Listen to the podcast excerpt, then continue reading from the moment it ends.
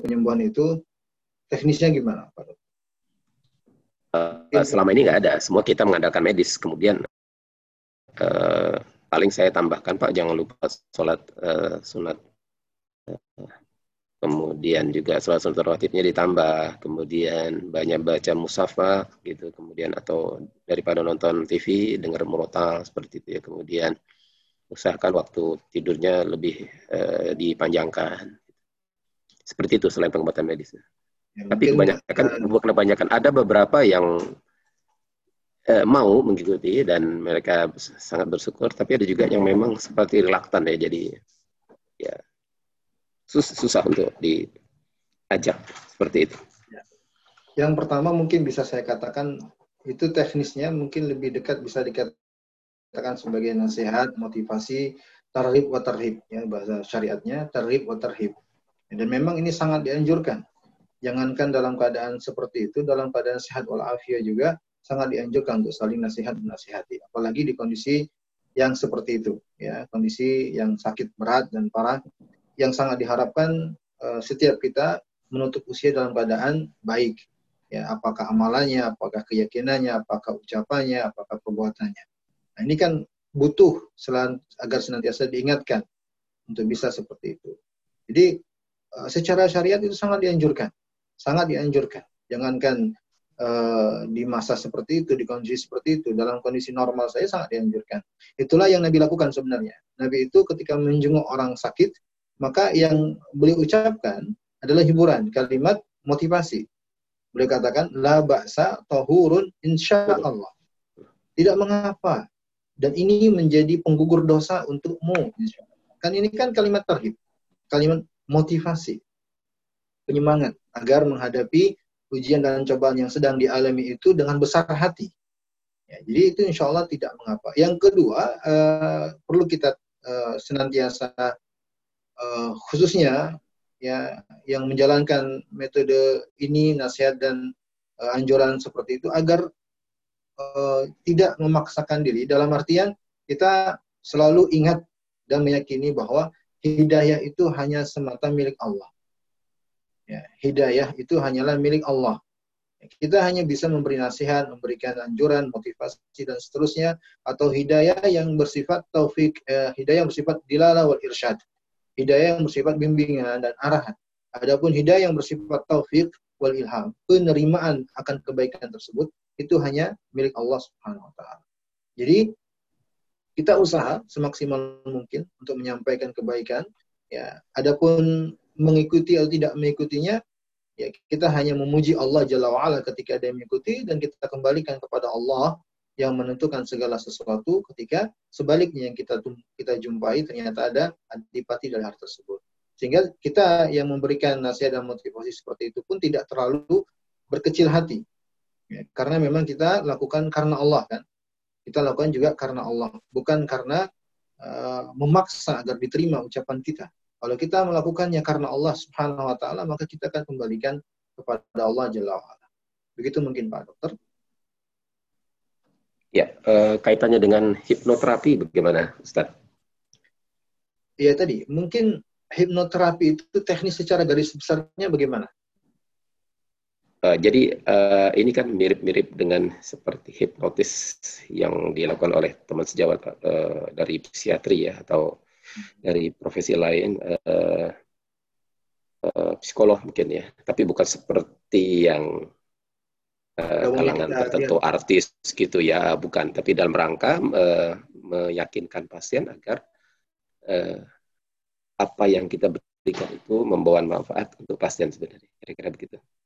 Ya, Tapi apa -apa. tetap memang ada upaya untuk menguasai pikiran tentunya, membuat pasien itu uh, dalam setting uh, atau dalam kerangka pikiran kita. Itu bagaimana, Ustaz? Ya, itu sebenarnya sih uh, menurut hemat saya juga ada pengaruh di teknis ya, ada pengaruh di teknis. Dalam penyampaian kita terhadap sesuatu, kita mesti ada ilmu tersendiri tentang kalau dalam syariat itu dibahas tentang tiga hal. Ini ilmu tentang apa yang akan disampaikan, betul-betul harus dikuasai. Kemudian ilmu tentang objek, bagaimana keadaan yang akan kita hadapi ini. Kemudian yang ketiga ilmu tentang cara menyampaikan substansi yang ingin kita sampaikan tersebut. Ini ilmu tersendiri dan ini kita harus kuasai dengan baik tiga hal ini supaya bisa dicerna, diterima dengan baik. Ya mungkin kalau dalam pembahasan psikologis, ya itulah mungkin yang diinginkan dengan hipnotis.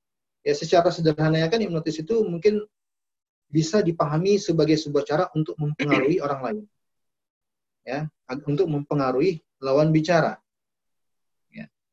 Maka sebenarnya ini hanya terkait dengan teknis. Artinya eh, boleh atau tidaknya hanya dilihat dengan substansi yang diinginkan apa. Kalau yang diinginkan adalah perkara yang tidak melanggar syariat, boleh-boleh saja.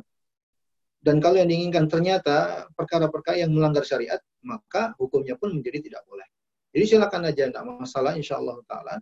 Ya, selagi tidak melanggar syariat. Karena pada asalnya, kalau kita berbicara tentang pengobatan, itu hukum asalnya mubah. Ya. Hukum asalnya adalah mubah, termasuk perkara yang dibahas oleh para ulama ke kategori perkara-perkara yang mubah dalam agama, yang dibolehkan. Jadi kalau permasalahan itu termasuk ke dalam kategori perkara-perkara mubah, maka ya hukum asalnya adalah silakan berinovasi seluas-luasnya. Silakan berinovasi seluas-luasnya tanpa ada batasan kecuali kalau melanggar syariat.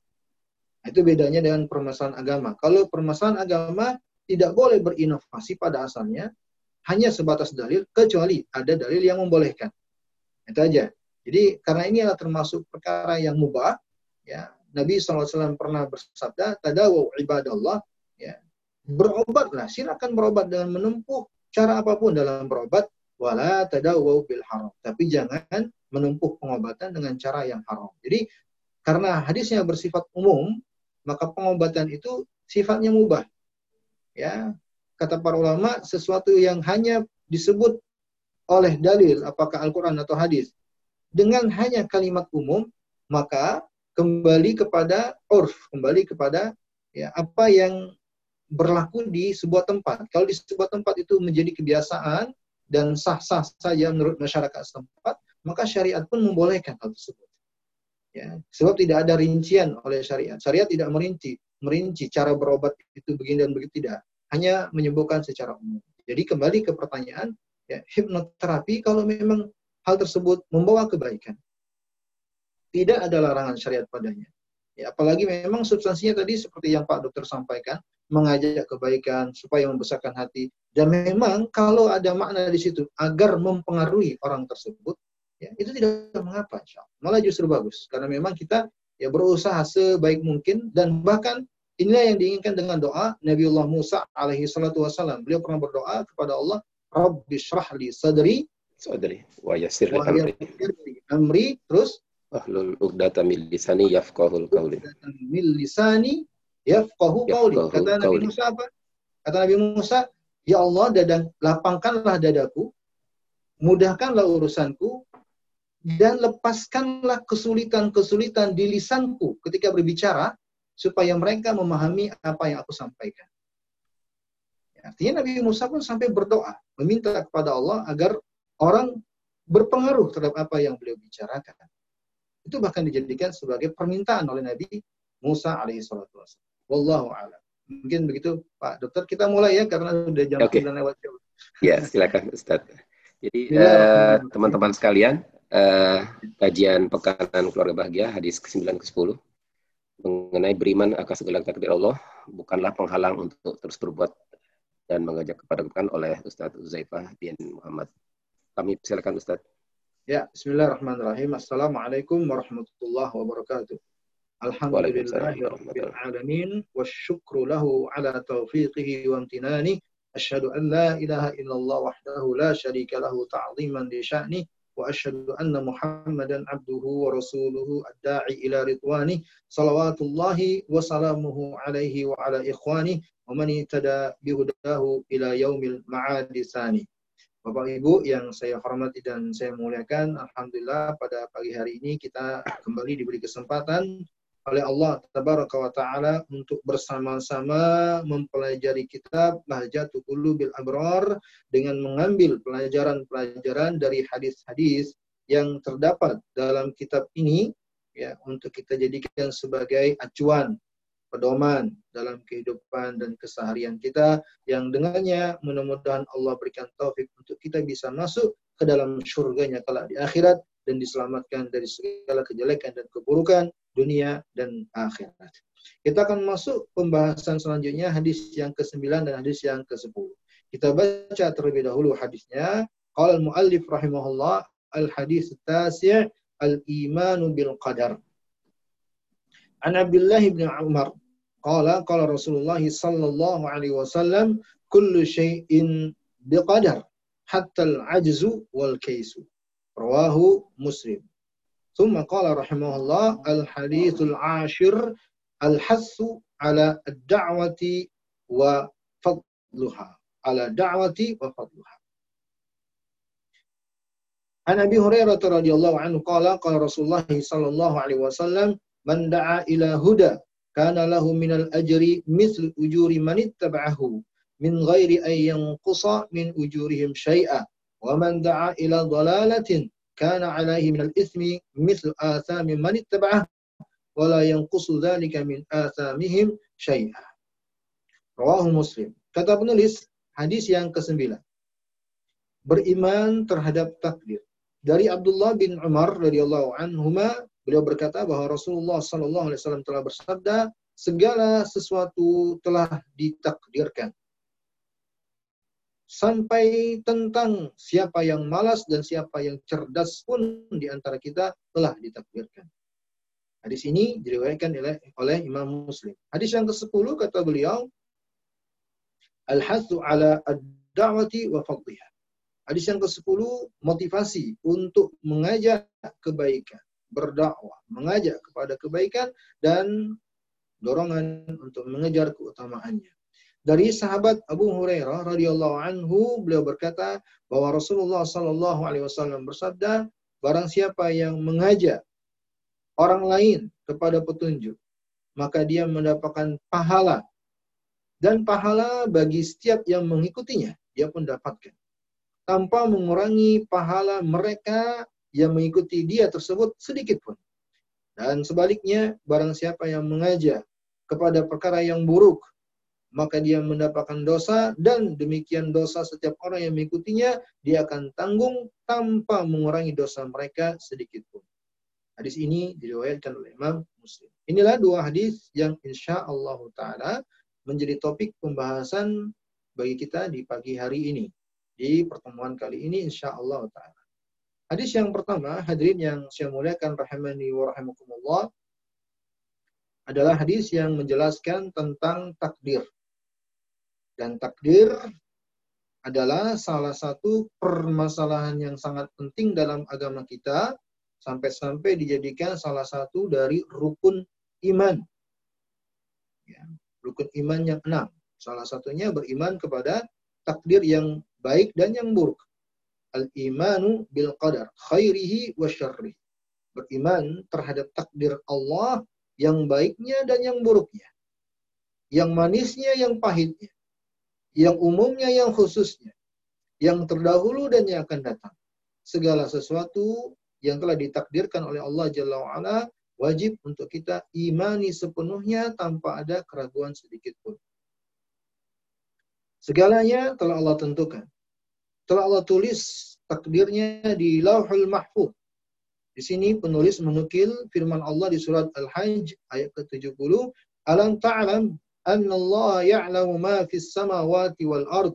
Inna dzalika fi kitab. Inna dzalika 'ala Allah yasir." Tidakkah engkau tahu? Sesungguhnya Allah mengetahui segala sesuatu yang ada di alam semesta ini. Yang di langit sana.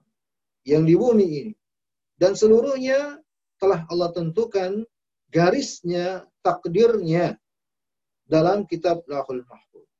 Dan perkara seperti ini sungguh sangatlah mudah bagi Allah Subhanahu wa taala. Maka ini menjelaskan segala sesuatu di alam semesta ini tanpa terkecuali. Ya, tidak terbatas ruang, tidak pula terbatas dengan waktu. Segalanya telah Allah tetapkan ketentuannya dan Allah Jalla wa'ala ya, realisasikan ketentuannya tersebut sesuai dengan apa yang Allah kehendaki. Dan segala sesuatu yang telah Allah tentukan mengandung pasti mengandung hikmah ya sesuai dengan kehendaknya. Hadirin yang saya muliakan rahimani wa rahimakumullah, ya inilah uh, poin penting dari hadis yang ke-9 ini, yakni beriman terhadap takdir. Ketentuan dari Allah Subhanahu wa taala. Dan ini adalah rukun iman. Salah satu darinya yaitu rukun iman yang keenam. Untuk minabil qadari khairihi wa syarrihi. Engkau beriman kepada takdir yang baik dan yang buruknya. Dan yang diinginkan dengan rukun iman yang keenam, yaitu beriman kepada takdir, adalah beriman, mempercayai, membenarkan, ya, dari dalam hati, mengucapkan dengan lisan akan keimanannya tersebut, dan mengamalkan amalan-amalan yang sesuai dengan keimanan yang dia percaya penuh tersebut, bahwa segala sesuatu yang ada di alam semesta ini, apa pun itu, tanpa terkecuali, ya telah ditentukan oleh Allah Subhanahu wa taala segala sesuatu, apakah berupa materi dan selainnya, apa pun itu, wujudnya terlihat atau wujudnya tak terlihat sekecil apa pun materi tersebut tidak ada yang luput dari ketetapan dan ketentuan Allah Subhanahu wa taala. Inilah yang diinginkan dengan beriman terhadap takdir. Dan perlu kita ketahui, hadirin yang saya muliakan, rahimakumullah, beriman terhadap takdir Allah Subhanahu wa taala harus terkandung padanya empat perkara. Ya, harus terkandung padanya empat perkara dan apabila empat perkara ini ada pada diri seseorang ya dalam keimanan yang terhadap takdir barulah dianggap benar. Ya, harus ada empat-empatnya. Silakan disimak dan diperhatikan Bapak Ibu yang saya hormati dan saya muliakan. Empat perkara yang harus ada dalam keimanan kita terhadap takdir. Yang pertama, al-ilmu sabiq mengimani bahwa ilmu ilmunya Allah terhadap segala sesuatu. Ilmunya Allah artinya pengetahuannya Allah terhadap segala sesuatu dari alam semesta ini tanpa terkecuali. Kita mengimani, mempercayai sepenuhnya bahwa Allah Maha mengetahui segala sesuatu tanpa terkecuali. Yang tersembunyi, yang terlihat tampak dengan terang dan jelas, yang telah lalu, yang akan datang, yang sedang terjadi, ya, di ujung utara, ujung selatan, ujung barat, dan ujung timur. Allah Subhanahu wa taala berfirman, "Wallahu bikulli syai'in alim." Di surah Al-Baqarah ayat 282 Allah firman yang artinya dan Allah itu terhadap segala sesuatu tanpa ada yang terkecualikan maha mengetahuinya. Ini yang pertama. Yang kedua, hadirin yang saya muliakan rahimakumullah adalah Alkitabah. Mengimani bahwa segala sesuatu telah ditulis oleh Allah Jalla wa'ala ketentuannya di lembaran-lembaran catatan takdir yang ada di Lauhul Mahfuz. Yang ada di Lauhul Mahfuz. Ini yang kedua. Mempercayai, mengimani bahwa segala sesuatu telah tertulis tertulis ketentuannya dengan detail dan rinci tanpa ada yang luput oleh Allah Subhanahu wa taala dalam lembaran-lembaran catatan takdir yang ada di Lauhul Mahfuz. Ya. Allah Subhanahu wa taala telah menyebutkan hal ini ya, dalam beberapa ayat di dalam Al-Qur'an di antaranya soal Qamar wa kullu syai'in fa'aluhu fi zubur wa kullu saghirin wa kabirin mustatar.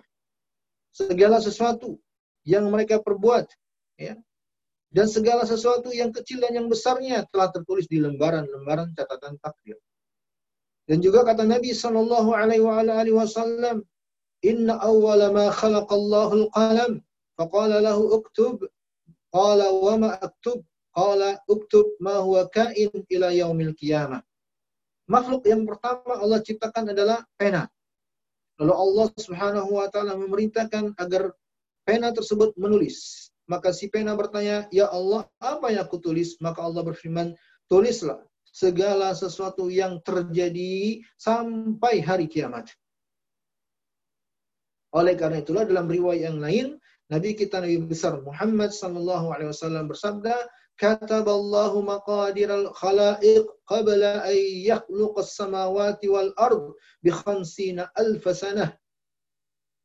Allah telah menulis segala ketentuan makhluk ciptaannya tanpa ada yang terkecuali sebelum terciptanya langit-langit dan bumi 50 ribu tahun yang lalu.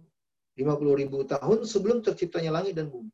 Jadi sudah sejak dahulu kala ya apa pun yang terjadi dalam alam semesta ini sampai yang terkecilnya sampai langkah kaki semut yang paling kecil yang ada di alam semesta ini telah Allah tulis takdirnya dan jumlah langkahnya ke mana dia melangkah dan sampai kegiatan kita pada saat ini saya menyampaikan Bapak Ibu mendengarkan itu pun telah ditakdirkan dan dituliskan oleh Allah dalam catatan-catatan takdir.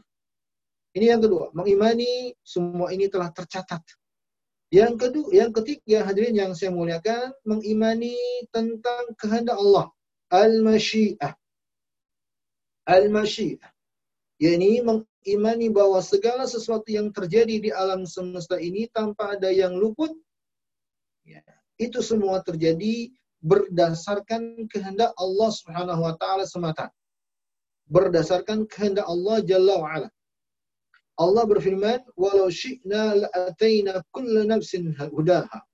Seandainya kami menghendaki, kami menghendaki. Maka niscaya kami akan berikan semuanya petunjuknya. Dan Allah Jalla wa'ala berfirman juga, "Lima yasha'a minkum ay wa ma tasha'una illa ay Allahu rabbul alamin." Ya.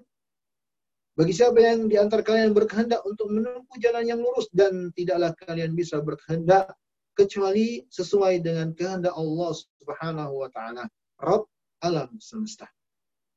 Maka mengimani takdir mengharuskan kita mengimani semua ini terjadi berdasarkan kehendak Allah Subhanahu wa taala. Yang keempat ya, adalah mengimani segala sesuatu yang ada di alam semesta ini tanpa ada yang terkecuali merupakan ciptaan Allah Subhanahu wa taala merupakan ciptaan Allah Subhanahu wa taala. Ya. Allah Jalla wa ala berfirman di dalam Al-Qur'an, "Wallahu khaliqukum, wallahu khalaqakum ma ta'malun." Allah lah yang mencipta kalian semuanya dan Allah yang mencipta apa yang kalian perbuat. Dan juga Allah berfirman, Allahu khaliqu kull, syai. Dan Allah lah yang menciptakan segala sesuatu tanpa ada yang terkecualikan. Maka ini empat poin Bapak Ibu yang saya hormati dan saya muliakan yang harus ada pada diri kita terkait dengan keimanan kita terhadap takdir. Ya. Kalau kita ingin beriman kepada takdir Allah dengan benar, ya, bukan hanya sebatas percaya terhadap takdir, percaya terhadap takdir, tapi ya ukur dengan empat hal ini. Ini pertama mengimani sepenuhnya Allah Maha mengetahui segala sesuatu. Mengimani akan ilmunya, pengetahuan Allah tanpa ada batasnya. Apa pun yang kita alami, itu pun Allah ketahui. Yang kedua, mengimani bahwa segala sesuatu ini telah ditulis oleh Allah ketentuannya dengan detail dan rinci di lahul mahfud. Yang ketiga, mengimani bahwa segala sesuatu yang terjadi ini berdasarkan kehendak Allah Subhanahu wa taala tabaraka wa taala.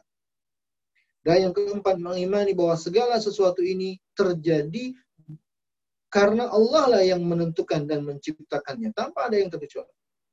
Ya, mengimani penciptaan Allah Subhanahu wa taala. Maka ini empat poin sebagai tolak ukur benar atau tidaknya keimanan kita terhadap takdir Allah Jalla wa'ala. Jadi empat ini jangan sampai ada yang luput beriman kepada takdir Allah Subhanahu wa taala tapi tidak percaya bahwa Allah mengetahui apa yang terjadi, maka ini belum dianggap benar keimanannya dalam takdir. Mengatakan dia beriman terhadap takdir, tapi dia tidak mengimani bahwa semua yang terjadi ini telah Allah tulis ketentuannya di Lauhul Mahfuz. Maka imannya terhadap takdir juga salah. Maka empat ini harus ada dalam keimanan terhadap takdir.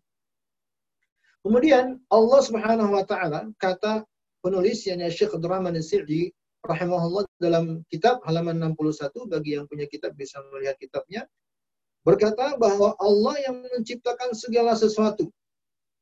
Allah yang menciptakan segala usaha dan upaya serta, serta proses yang kita jalani. Itu juga Allah yang menentukannya. Allah juga yang menciptakannya. Allah yang menciptakan, yang menjalani proses, Allah juga yang menentukan proses itu sendiri berdasarkan kehendak dan ketentuan Allah Jalla wa'ala. Ya. Maka Allah Jalla wa'ala telah menentukan segala sesuatu yang lahir atau yang batin. Tanpa ada yang terkecualikan dari kehendaknya, dari ilmunya, dari ketentuan dan catatan takdir yang telah dia tulis dan berdasarkan kehendaknya. Ya. Akan tetapi, kata penulis, walakinnahu ta'ala yasurru kullal lima khuliqalah.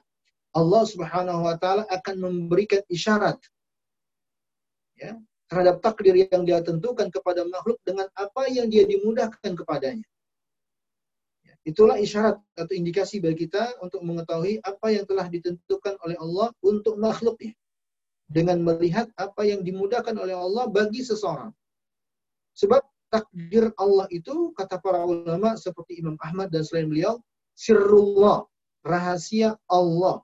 Yang tidak Allah buka rahasia tersebut kepada siapa pun. Walaupun makhluknya dari kalangan malaikat para nabi dan rasul tidak ada yang tahu. Hanya Allah satu-satunya yang mengetahui apa yang ada dalam lahul mahfud berupa catatan takdir seluruh makhluk tanpa ada yang terkecualikan. Lalu bagaimana kita mengetahui takdir Allah Jalla wa'ala? Ya dengan melihat apa yang dimudahkan seseorang menuju sesuatu. Ya. Maka kata beliau di sini, "Faman wajahu wajahu wa qasdahu li rabbih habbaba ilaihi al-iman wa zayyanahu fi qalbihi wa karrahu ilaihi al-kufra wal fusaq wal isyan wal isyan wa ja'alahu min ar-rasyidin fatammat alaihi ni'amallahu min kulli wajhin." Maka siapa yang menghadapkan dirinya menghadapkan dirinya untuk menuju Rabbnya. Ya. Maka niscaya Allah akan membuat dirinya cinta kepada keimanan. Cinta kepada keimanan, memperindah iman itu dalam hatinya. Nyaman dan tentram dia dengan keimanan. Dan akan Allah buat pada dirinya tidak suka dengan kekufuran.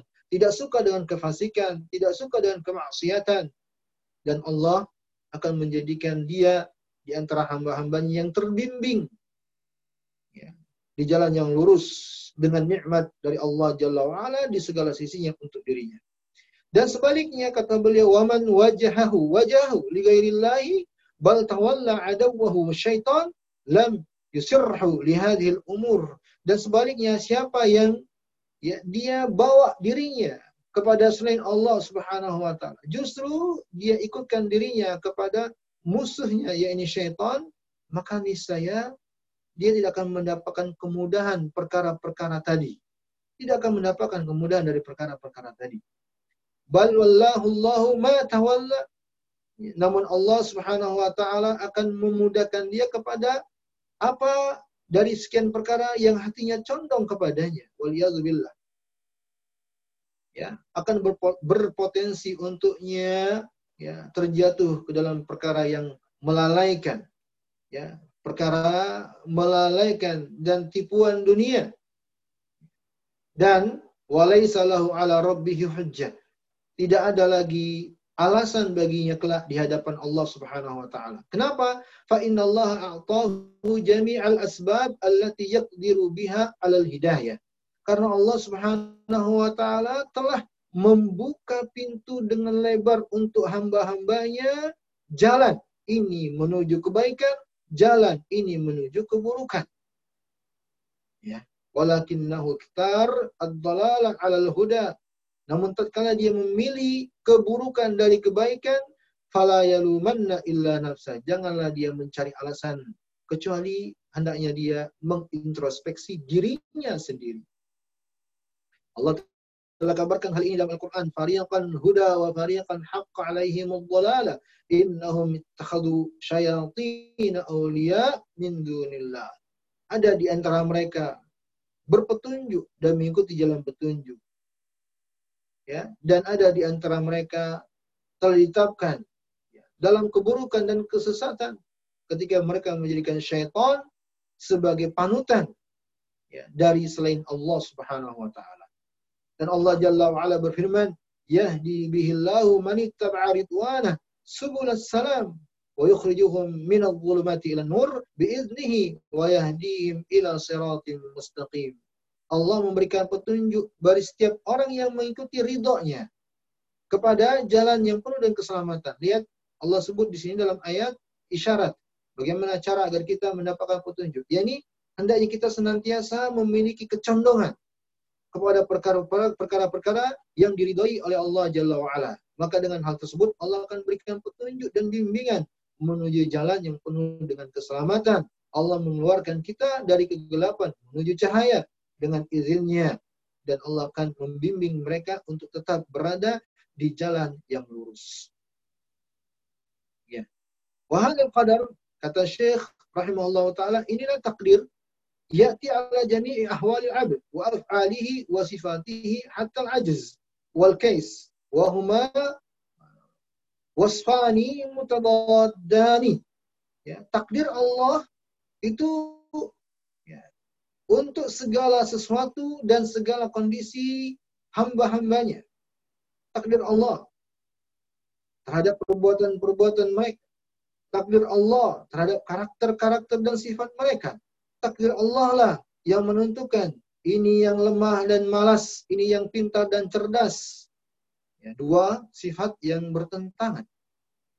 Ya, rasa malas ya, yang merupakan pangkal kerugian dan kesengsaraan dan kecerdasan dan pandai ya cendik cerdik cendikia inilah pangkal kebahagiaan ini dengan mentaati Ar-Rahman. Hadirin yang saya muliakan di sini penulis rahimahullah taala menyinggung ya sebagai nasihat untuk kita semua. Kata beliau al-ajzu alladhi yulamu alaihi al-abdu wa huwa adamul irada wa huwa al-kasal. La al-ajz alladhi huwa adamul qudrah wa hadha huwa ma'na al-hadith al-akhar. I'malu fa kullu ma fa kullu muyassarun lima khuliqa kemalasan ya yang diinginkan, yang tercela, ya, kemalasan yang tercela dalam pembahasan ini adalah ya ketidakmauannya seseorang, ya, ketidak ada tidak adanya keinginan dari seseorang untuk meraih keselamatan dan kebaikan. Ya, bukan ketidakmampuan karena ya tidak sanggup, bukan karena ketidakmampuan, Inilah yang Nabi sebutkan dalam hadis yang lain, beramallah kalian dan sungguh setiap kalian akan dimudahkan kepada apa yang dia telah tercipta dengannya, ditakdirkan dengannya. Ya, beramallah kalian. Allah akan mudahkan ya kepada apa yang ditakdirkan untuk kalian. Terus beramal. Maka kemalasan dalam hal ini sangat tercela, yakni malas yang tidak menginginkan kebaikan, tidak mau berusaha. Hadirin yang saya muliakan, Bapak Ibu yang saya hormati, rahimani wa rahimakumullah, dalam masalah keimanan terhadap takdir, dalam masalah keimanan terhadap takdir ini, juga ada jebakan atau bisikan syaitan berupa syubhat untuk merusak keyakinan akidah pada setiap hamba. Dan ini harus kita waspadai. Dan ini harus kita waspadai dengan memohon perlindungan dari Allah Subhanahu wa taala. Ya, jangan dikira dalam masalah masalah ini tidak ada ya bujuk rayu atau bisikan syaitan untuk menyesat, menyesatkan manusia. Ya. Sebab dalam masalah keimanan terhadap takdir ada yang menyebarkan keyakinan yang bertentangan dengan agama dengan mengatakan bahwa annal abdu annal abda mustaqillun bi iradatihi wa qudratihi laisa lillahi fi fi'lihi masyiah wala khalq. Yang meyakini bahwa setiap hamba itu punya keinginan sendiri. Apa yang dia lakukan, apa yang dia perbuat itu berdasar kehendak sendirinya, bukan karena ketentuan Allah Subhanahu wa taala, bukan karena kehendak Allah. Keyakinan ini para ulama menyebutkan ya mulai ya, awal mulanya dimiliki atau disebarkan oleh kelompok yang disebut oleh para ulama dengan Al-Qadariyah. Al-Qadariyah. Yang kedua, Al-Jabariyah. Yaitu mereka yang meyakini bahwa al-abd innal abda majbulan ala fi'lihi laisa lahu fihi iradah wala qudrah. Ya. Berkebalikan dengan Qadariyah tadi. Kalau Jabariyah mengatakan hamba itu ya tidak memiliki kehendak sedikit pun dari apa yang dia perbuat. Ya, semua yang terjadi pada dirinya itu hanya sebatas kehendak Allah satu-satunya, tidak ada kehendak pada dirinya. Ya. Kalau yang pertama tadi menafikan kehendak Allah, kalau yang kedua ini menafikan kehendak si hamba. Hadirin yang saya muliakan, ini termasuk perkara yang bertentangan dengan Al-Quran sebagaimana ayat-ayat yang Allah jelaskan tentang kehendak Allah Jalla wa'ala dan juga Allah memberikan pada manusia ada kehendaknya. Juga bertentangan dengan hadis-hadis dari Rasulullah SAW seperti tadi yang kita sebutkan bahwa Nabi memerintahkan untuk kita ya, agar senantiasa memiliki kehendak dalam setiap perbuatan dan Allah Jalla wa'ala akan memudahkan berdasarkan kehendaknya. Di antaranya Allah Jalla wa'ala berfirman, وَمَا تَشَاءُونَ إِلَّا أَن يَشَاءَ اللَّهُ رَبُّ الْعَالَمِينَ Tidaklah kalian bisa berkehendak kecuali berdasarkan kehendak Allah Rabb semesta alam. Di sini Allah Jalla wa'ala sebutkan tidaklah bisa kalian berkehendak. Artinya ada kehendak. Cuman kehendak kita itu terwujud kalau Allah menghendaki hal tersebut terwujud. Ya. Oleh karena itulah para ulama menjelaskan ketika Allah telah menjelaskan ini yang baik dan yang benar, maka di situ Allah Jalla wa'ala melihat si hamba. Dia menghendaki kebaikan atau keburukan. Dan Allah menetapkan berdasarkan hikmahnya. Ketika ketika si hamba berkehendak kepada kebaikan, itulah ketentuan Allah dan tanda-tanda kebaikan untuk si hamba. Ketika si hamba menghendaki keburukan, dan itulah ketetapan Allah yang pasti mengandung hikmah bagi si hamba. Bagi si hamba dia berkehendak kepada keburukan. Dan Allah tetapkan dengan kehendaknya si hamba ya, mengambil keburukan atau memilih keburukan tersebut. Tentunya Allah menetapkan pasti mengandung hikmah. Ya. Kemudian juga Allah Jalla wa ala berfirman di surah Al-An'am, "Walau syaa rabbuka ma fa'alu ya fadarahum wa ma yaftarun." Seandainya Rabbmu tidak berkehendak atau menghendaki hal tersebut terjadi, ya maka mereka tidak akan bisa menunaikan apa yang mereka inginkan. Ya. Dan seterusnya hadirin yang saya muliakan rahmani wa rahimakumullah dari ayat-ayat yang Allah sebutkan bahwa manusia diberi oleh Allah Jalla wa'ala kehendak yang dengannya dia bisa memilih ini dan itu. Ya, dengan tegas di antaranya, di antaranya Allah firman nisa'ukum harsul lakum fa'tu harsakum anna syi'tum istri-istri kalian itu ladang bagi kalian dan datang datangilah ladang kalian anna syi'tum sekehendak kalian. Allah sebutkan sekehendak kalian berarti kita diberi kehendak oleh Allah Jalla wa'ala. Hanya saja sekali lagi kehendak kita tersebut ya terwujud tidaknya berdasarkan ketetapan dari Allah Jalla wa'ala. Artinya ya pemahaman yang benar berdasarkan Al-Quran dan hadis Nabi adalah ya tidak kelompok yang pertama tidak pula seperti kelompok yang kedua. Kelompok yang pertama meniadakan kehendak hamba, kelompok yang kedua meniadakan kehendak Allah. Ya, yang benar adalah pada setiap hamba apa pun yang dia lakukan, semua peristiwa yang terjadi ada kehendak Allah di situ dan juga kehendak si hamba ya untuk terjadi sesuatu pada dirinya dan itu pun terjadi ya setelah kehendak Allah Subhanahu wa taala. Ya. Maka menetapkan ini dan itu akan tapi kehendak Allah lah di atas segala sesuatu. Ya. Kalau seandainya dinafikan kehendak pada si hamba, maka niscaya Allah Subhanahu wa taala tidak akan memberikan ancaman dan hukuman ketika melakukan kesalahan. Dan sungguh sangat tidak pantas bagi yang menjadikan alasan Allah Jalla wa'ala dan dengan takdirnya pada segala keburukan yang dia pilih. Kan sangat tidak pantas. Ya. Baik, kata Syekh Salih Fauzan hafizahullah, ya. Al-i'timad al-asbab syirkun wa tarkul asbab qadhun fi syariah.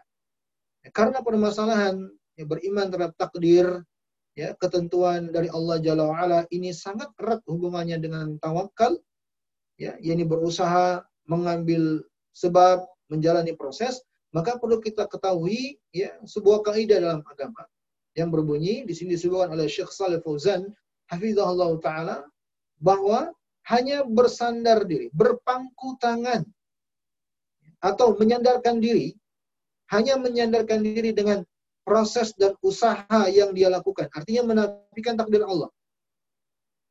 Ya, menafikan atau menutup mata atau tidak mempercayai adanya ketentuan Allah ya, pada usaha yang dia lakukan, pada proses yang sedang dia jalani, pada peristiwa yang sedang dia hadapi.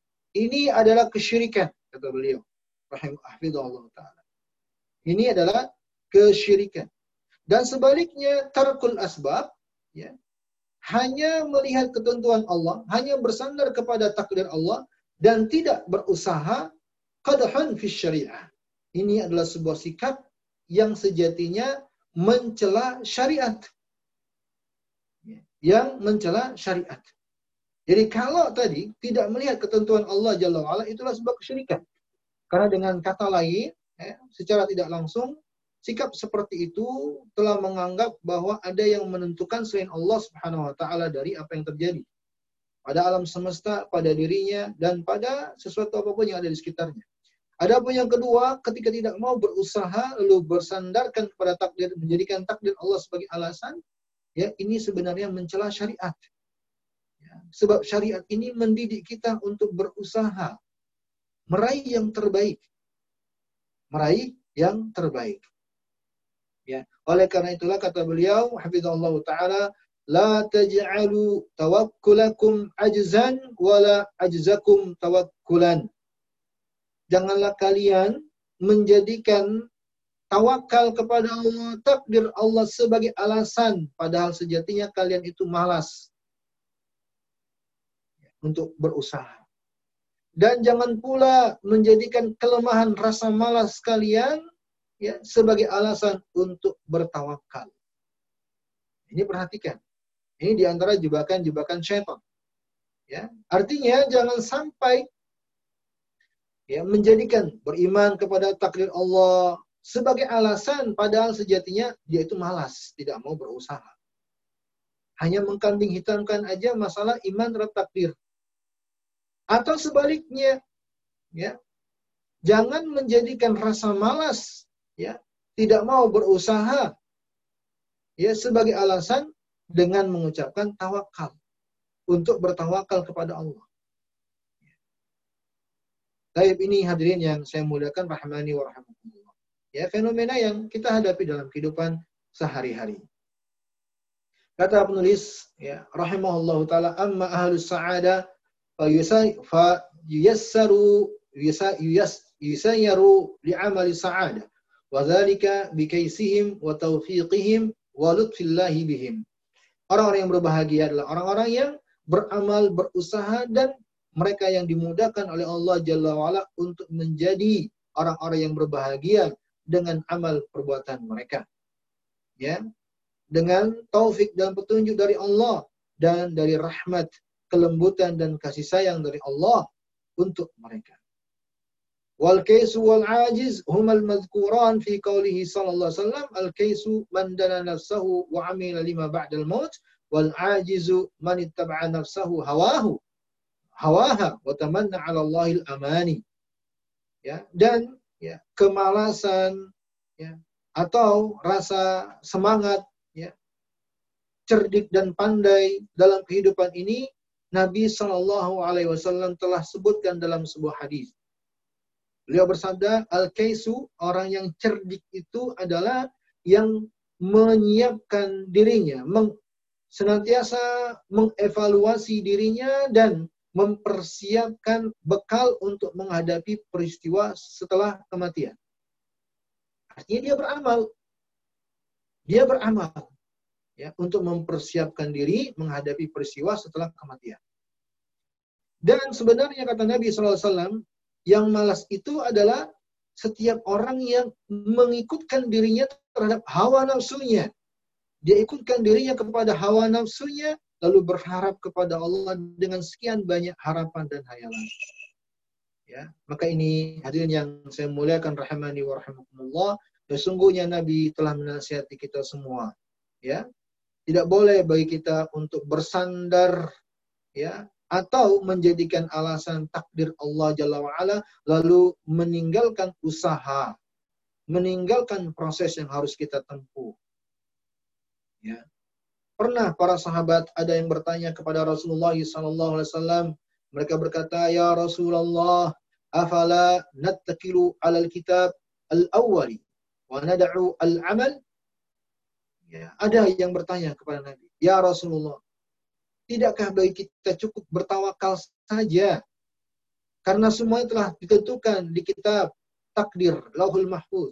Tidak usah beramal. Ada. Nabi pernah ditanya dengan pertanyaan seperti ini. Maka faqala Rasulullah sallallahu alaihi wasallam, "I'malu fakullun muyassarun lima khuliqalah." Tidak kata Nabi, beramal kalian, bekerjalah kalian, berusahalah kalian. Sebab Allah akan memudahkan ya, takdir yang dia diciptakan dengannya dengan usaha yang dia tempuh. Lihat, Rasulullah Sallallahu Wasallam pimpinan para nabi dan rasul, manusia yang paling kenal Allah Jalla wa'ala, orang yang paling sempurna imannya kepada Allah di segala halnya termasuk dalam perkara takdir. Tapi tetap Nabi perintahkan umatnya untuk bekerja, untuk berusaha dengan sabda beliau, "I'malu bekerjalah kalian, berusahalah kalian. Ya. Maka ini hadirin yang saya muliakan, rahimani wa rahimakumullah, ya, terhadap iman kita dalam takdir Allah. Yang baik dan yang buruknya bukanlah menjadi alasan untuk kita meninggalkan usaha, bekerja, beramal. Oleh karena itulah juga Allah Jalla wa'ala berfirman di surah Al-Lail dari ayat kelima sampai ayat ke-10 فأما من أعطى واتقى وصدق بالحسنى فسنيسره لليسرى Wa من بخل bakhila وكذب wa فسنيسره bil. Barang siapa bagi orang-orang yang telah kami beri anugerah dan menjaga dirinya dengan bertakwa dan membenarkan kebaikan dalam agama ini, sungguh kami akan mudahkan dia kepada kebaikan jalan menuju surga. Dan barang siapa yang bakhil, ya, tidak mau berinfak, hartanya di jalan Allah, kemudian merasa cukup, tidak mau beramal kebaikan, bahkan mendustakan kebaikan dalam agama ini, maka kami akan mudahkan dia menuju kepada kesengsaraan neraka. Lihat dalam ayat, Allah sebutkan, Allah menetapkan penghuni surga dengan sebab-sebabnya, yaitu dia yang ya menafkahkan hartanya yang bertakwa, yang membenarkan kebaikan agama ini. Dan juga Allah tetapkan orang-orang yang menghuni neraka itu yang akan menjadi penghuni neraka dengan ya usaha dan sebab-sebab yang dia telah lakukan. Ya. Jadi janganlah menjadikan alasan dengan takdir Allah lalu tidak beramal, tidak berusaha dan berbuat. Salah satu kerusakan yang diinginkan oleh syaitan dalam masalah ini. Membuat manusia beralasan dengan takdir, lalu meninggalkan amal baik. Termasuk dari sekian perkara kebaikan itu yang bersifat universal. ya Yang menyangkut kebaikan orang banyak. Adalah meninggalkan saling nasihat menasihati. Saling nasihat menasihati. Ya, dengan alasan ya Sekian banyak alasan.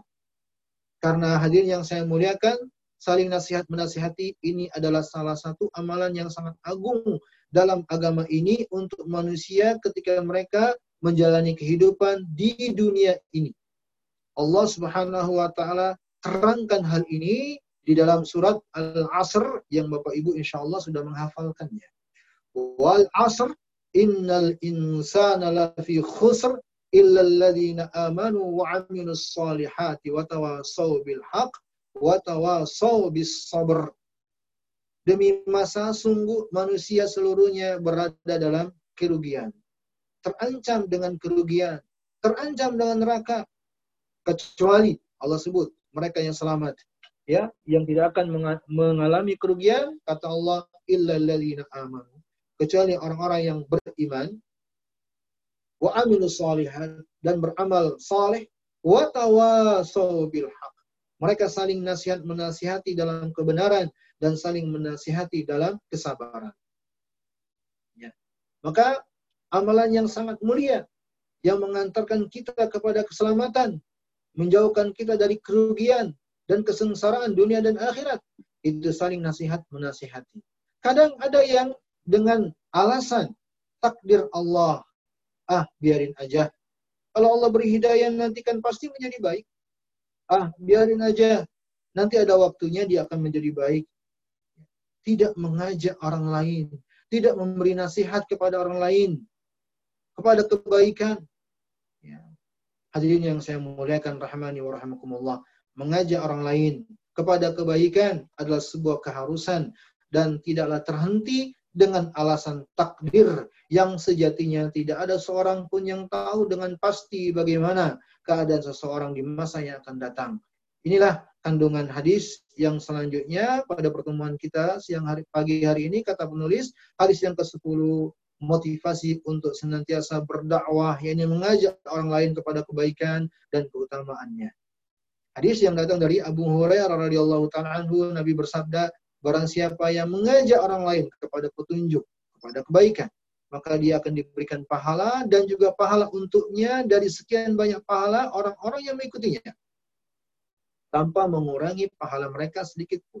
Dan sebaliknya, kata Nabi, barang siapa yang mengajak orang lain kepada keburukan, dia pun berdosa dengan perbuatannya itu dan dia pula akan menanggung semua dosa orang-orang yang mengikuti keburukan tersebut tanpa mengurangi dosa mereka sedikit pun.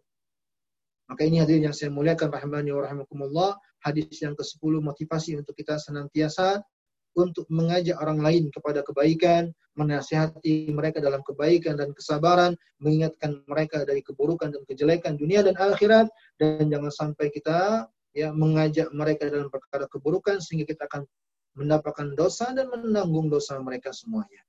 Hadirin yang saya muliakan rahmani wa rahimakumullah.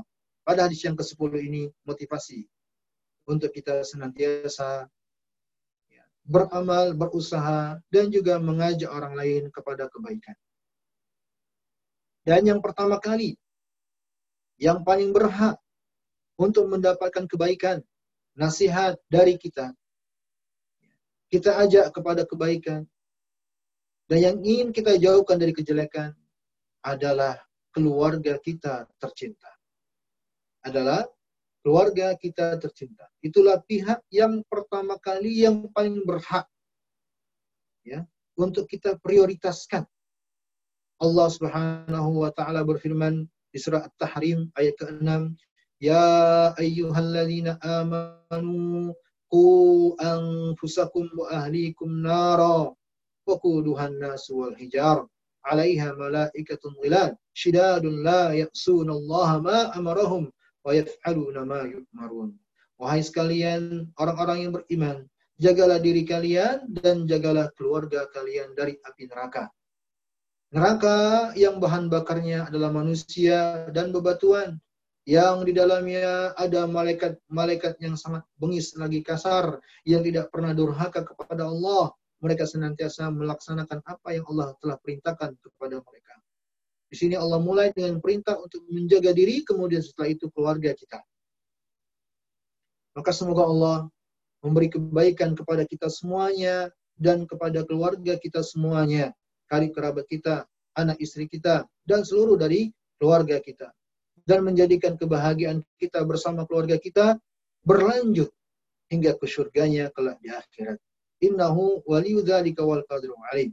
Karena Allah Jalla wa ala berfirman dalam Al-Qur'an di surah At-Tur ayat ke-21. Walladzina amanu wattaba'athum dzurriyyatuhum biimanin alhaqna bihim dzurriyyatahum wama alatnahum min amalihim min syai' kullu imri'in bima kasaba rahim. Allah Subhanahu wa taala berfirman dan orang-orang yang beriman serta anak cucu mereka, karib kerabat keluarga mereka yang mengikuti mereka dengan keimanan. Kalau begini keadaannya, kata Allah, kami akan pertemukan kembali mereka. Kumpulkan semuanya bersama anak cucu keluarga mereka di dalam surganya. Maka ini yang kita inginkan hadirin yang saya muliakan. Bahagianya kita bersama keluarga adalah kebahagiaan yang berkelanjutan menembus negeri akhirat ke dalam surganya Allah Jalla wa'ala. Kata Allah, kami tidak mengurangi sedikit pun pahala amal kebajikan mereka setiap orang terkait dan apa yang dia kerjakan. Maka hadirin yang saya muliakan rahimani wa rahimakumullah. Teruslah beramal kebaikan. Teruslah mengajak orang lain dalam kebaikan dan prioritaskanlah keluarga. Ya, dalam kebaikan yang kita inginkan orang lain untuk mendapatkannya. Demikian nasihat dan tausiah serta wejangan pada pagi hari ini dalam kajian keluarga bahagia kita dan saya mohon maaf atas segala kesalahan dan kekurangan hanya kepada Allah Subhanahu wa taala saya mohon ampunan.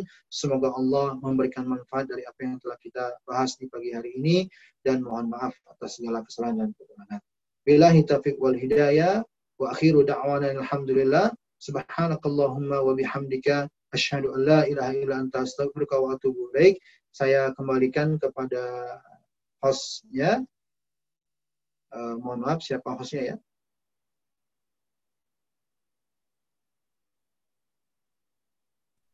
Tes, tes. Ustadz ya, uh, nama saya Irfan Ustadz. Ya, silakan. Uh, ya, baik teman-teman, uh, apa yang sudah disampaikan oleh Ustadz Zaifah bin Muhammad uh, itu banyak menyentuh dalam kehidupan kita sehari-hari, apalagi kita dalam kondisi seperti ini. Kadang-kadang uh, nih Ustadz ya, kita seperti saya nih di garis depan, pasien itu nggak ada habis-habisnya ya. Jadi sebentar turun, sebentar naik, jelek gitu ya. Jadi kadang-kadang kita sendiri memang dalam posisi yang uh, seperti iman. Kadang-kadang naik turun gitu. Kadang-kadang semangat, kadang-kadang uh, apa namanya malas gitu ya. Kadang-kadang uh, kelelahan dalam menangani pasien bagi kami kan mesti pakai hasmat Eh, dalam waktu tertentu sehari itu bisa dua tiga kali. Kalau saya ini pakai asmat terus, jadi pakai baju pelindung terus itu juga bukan kondisi yang nyaman. Kadang-kadang itu kondisi seperti itu membuat kita malas. Jadi maksudnya misalnya, aduh ini mesti apa misalnya ah duanya cepet aja deh dua rekat aja karena mau masuk. Itu sampai sekarang di kadang-kadang berpengaruh nih. Satu kadang-kadang ngantuk banget nih habis pakai baju itu rawatibnya udahlah ya apa namanya uh, Qoblia ya. Dah satu kali aja di situ. Itu kadang-kadang seperti itu. Jadi uh, terima kasih Ustadz masukannya. Nah tentunya kalau diaplikasikan dengan kehidupan kita sekarang dalam masa pandemi ini juga ada istilah uh, kaum fatalistik nih Ustadz. Maksudnya begini ya sudahlah uh, toh semua juga akan mengalami pandemi semua akan covid pada waktunya ngapain pula kita bersusah payah untuk jaga jarak, untuk memakai masker ke masjid. Toh kalau ketentuannya Allah kadarullahnya memang kena, kena. Kalau enggak, enggak. Itu bagaimana Ustadz? Itu kadang-kadang uh, itulah yang akan saya yang akan saya dapin gitu. Bukan kalau ke pasien sih rata-rata sudah uh, dalam kondisi mereka menyadari ini. Kadang-kadang kalau kita melakukan penyuluhan kepada uh, teman-teman baik teman-teman di mana pergaulan atau teman tetangga atau orang-orang yang kita sedang himbau untuk uh, melakukan apa namanya tingkah laku sesuai protokol. Mohon tanggapannya Ustaz. Ya. Bismillah, alhamdulillah, wassalatu wassalamu ala rasulillah. Ya.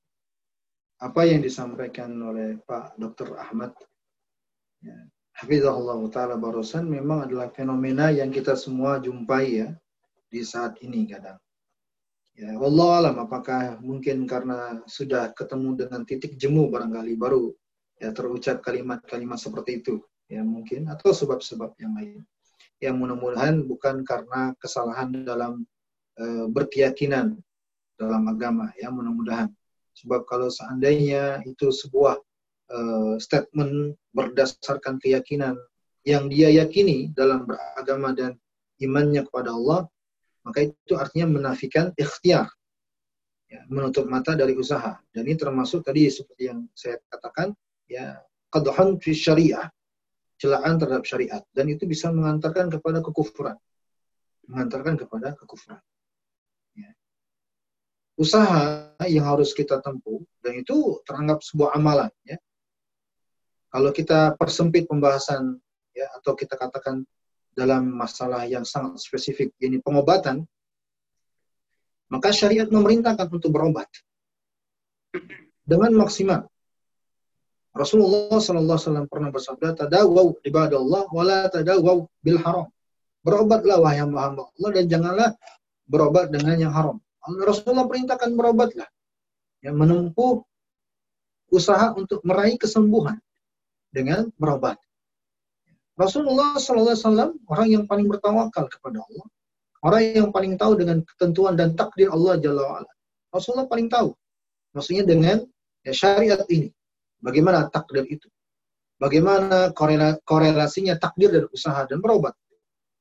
Kemudian secara umum, ya, Bagaimana Allah Subhanahu wa taala menetapkan syariat pada seluruh nabi-nabi dan rasul sebagai hamba-hamba Allah pilih, eh, hamba-hamba Allah yang terpilih. Dari sekian hamba-hamba Allah yang terbaik yang ada di permukaan bumi. Ini kan para nabi dan rasul. Kalau kita melihat kehidupan mereka, ya, sejarah kita lihat, maka tidak ada seorang pun eh, dari khususnya para rasul yang menghadapi ujian dan cobaan menghadapi umat dan kaumnya melainkan menjumpai tantangan. Menjumpai tantangan perlawanan ya dari umatnya kita lihat apakah Allah Subhanahu wa taala ya memerintahkan para rasulnya tersebut ketika menghadapi ujian dan cobaan yang sangat berat berdiam diri tidak berusaha? Kan tidak. Ya. Kita bisa dengan mengatakan, ya, kalau seandainya Allah menghendaki kaumnya itu mendapatkan hidayah, kenapa mesti repot-repot para nabi dan rasul tersebut berusaha dan berdakwah sampai mengorbankan harta dan jiwanya? Apalah gunanya? Ya, coba kita lihat salah satu peristiwa untuk membuka uh, pikiran kita. Kita lihat Nabiullah Nuh alaihi salatu wasalam. Nabi Nuh salah satu rasul yang mulia, rasul yang pertama dari kalangan para rasul. Ulul azmi. Ketika Allah Subhanahu wa taala mengancam akan mengirimkan air bah, banjir besar yang, yang akan membinakan umat manusia di saat itu. Maka Allah mewahyukan Nabiullah Nuh untuk berusaha membuat kapal besar agar selamat dari air bah tersebut. Agar selamat dari air bah tersebut. Maka dibuatlah oleh Nabi Nuh dengan proses yang lama, usaha yang berat. Di saat itu apa apalagi? Kapal besar. Jika kita lihat Nabiullah Musa alaihissalatu wassalam ketika melarikan diri ya, dari kejaran Fir'aun dengan tentaranya yang akan menangkap dan membunuh mereka. Nabiullah Musa lari bersama dengan orang-orang yang beriman kepada beliau, lari menyelamatkan diri. Sampailah di tepi lautan mereka, eh, lautan merah, Allah firmankan atau Allah wahyukan kepada beliau untuk memukulkan tongkatnya ke tepi lautan supaya terbelah lautannya sehingga mereka bisa melewati lautan. Ya, begitu juga Nabi kita Nabi besar Muhammad Sallallahu Alaihi Wasallam dan semua para nabi dan rasul menghadapi ujian dan cobaan yang di sekian peristiwa tersebut terlihat usaha yang maksimal untuk meraih keselamatan, kejayaan. Nabi kita Nabi besar Muhammad sallallahu alaihi wasallam pakai baju besi, pakai kuda, berpedang dan memanah, bertombak untuk melawan musuh dan melindungi diri dari serangan-serangan musuh. Pertanyaan harusnya ya kalau kita kaitkan dengan ya statement tadi, bukankah Allah mudah dan terlalu mudah bagi Allah. Kalau Allah menghendaki menyelamatkan Nabiullah Nuh, kalau Allah menghendaki menyelamatkan Nabi Musa, Allah Allah ingin memuliakan Rasulullah SAW tanpa melewati semua pengorbanan itu, mudah kan bagi Allah? Mudah tidak? Sangat mudah. Tapi kenapa Allah menetapkan sekian banyak usaha dan proses?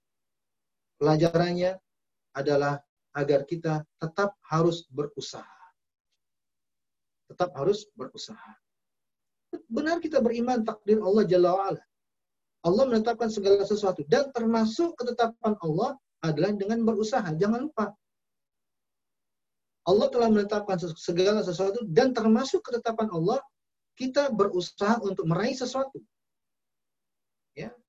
Kita makan supaya kenyang, itu semua ketentuan Allah. Allah lah yang menciptakan makanan yang kita makan dan Allah juga yang menentukan dari makanan tersebut ya terhasilkanlah kenyang. Kita balik coba statement tersebut kepada yang mengucapkan. Kalau Anda ingin kenyang, coba jangan makan. Jangan makan deh coba. Ya. Tentunya akal sehat dari siapa pun tidak akan bisa, tidak akan terima hal ini. Kalau mau kenyang nggak makan, nggak nggak nggak menempuh segala sebab atau proses yang dengannya bisa menimbulkan kenyang, tentu tidak akan diterima oleh akal yang sehat. Begitu juga ya uh, yang sedang kita hadapi. Ya. Maka kita jangan jangan uh, tidak usah ditepis, tidak usah memperhatikan ya ucapan dan statement yang menafikan atau meniadakan usaha untuk melindungi diri dari uh, wabah yang sedang melanda, ya pandemi yang sedang kita jalani bersama pada saat ini. Teruslah berusaha, jangan berkecil hati dan janjilah uh, yakinlah dengan janji Allah Jalla wa'ala dari setiap amal baik tersebut pasti Allah akan berikan balasan. Terus semangat ya khususnya bagi tim medis kita senantiasa beri support ya untuk Bapak Ibu semuanya untuk apalagi yang berada di garda terdepan dan jangan lupa uh, senantiasa jaga niat ya untuk ikhlas mencari balasan dari Allah Subhanahu wa taala dan itulah yang terbaik eh, dari segala perkara yang kita harapkan dalam setiap usaha dan upaya kita. Ya, jadilah yang terbaik bagi yang lainnya.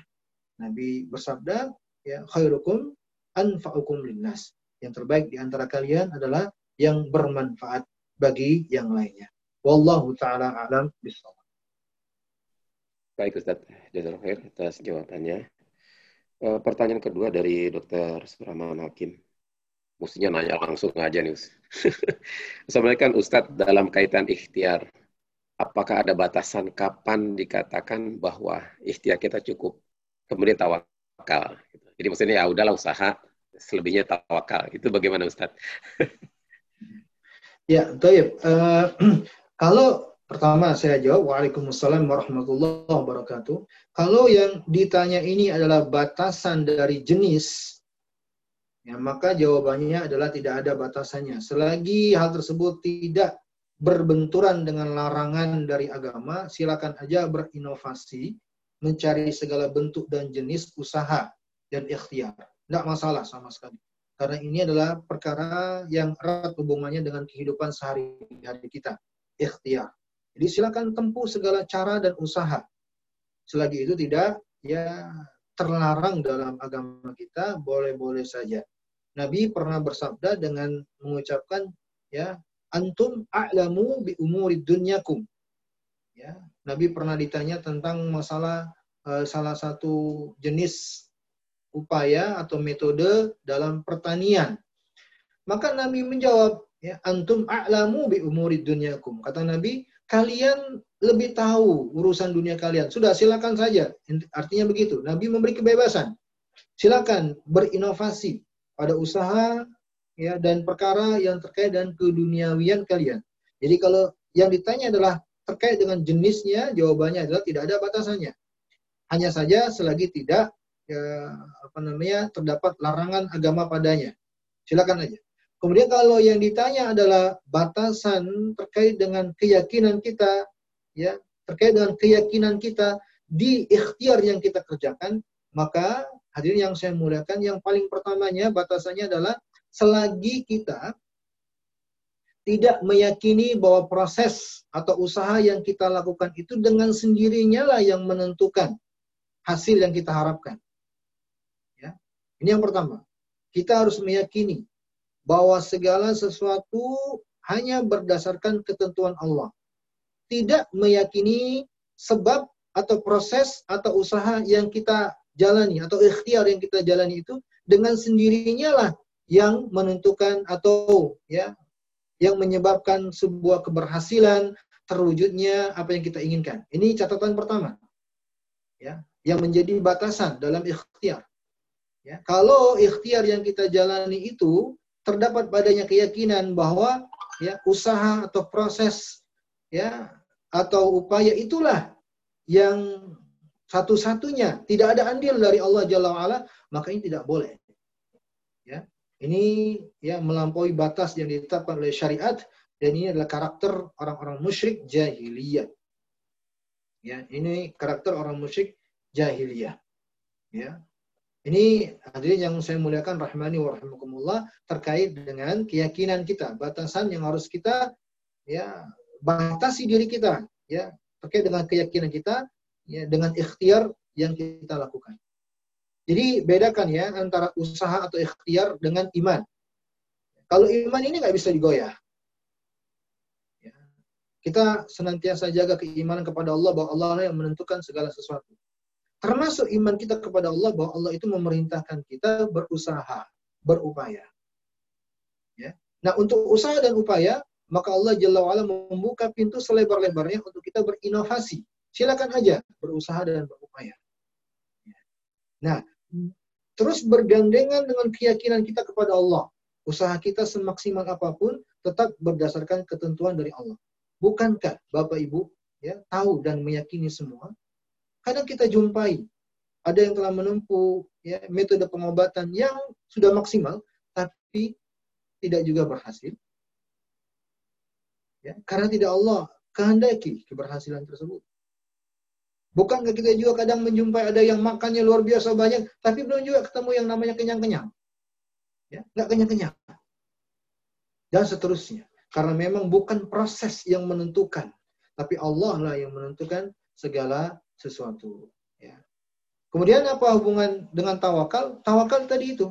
Tawakal itu mengumpul mengumpulkan semuanya. Kata para ulama, tawakal itu adalah tafwidul amr ilallahi bittikhadil asbab.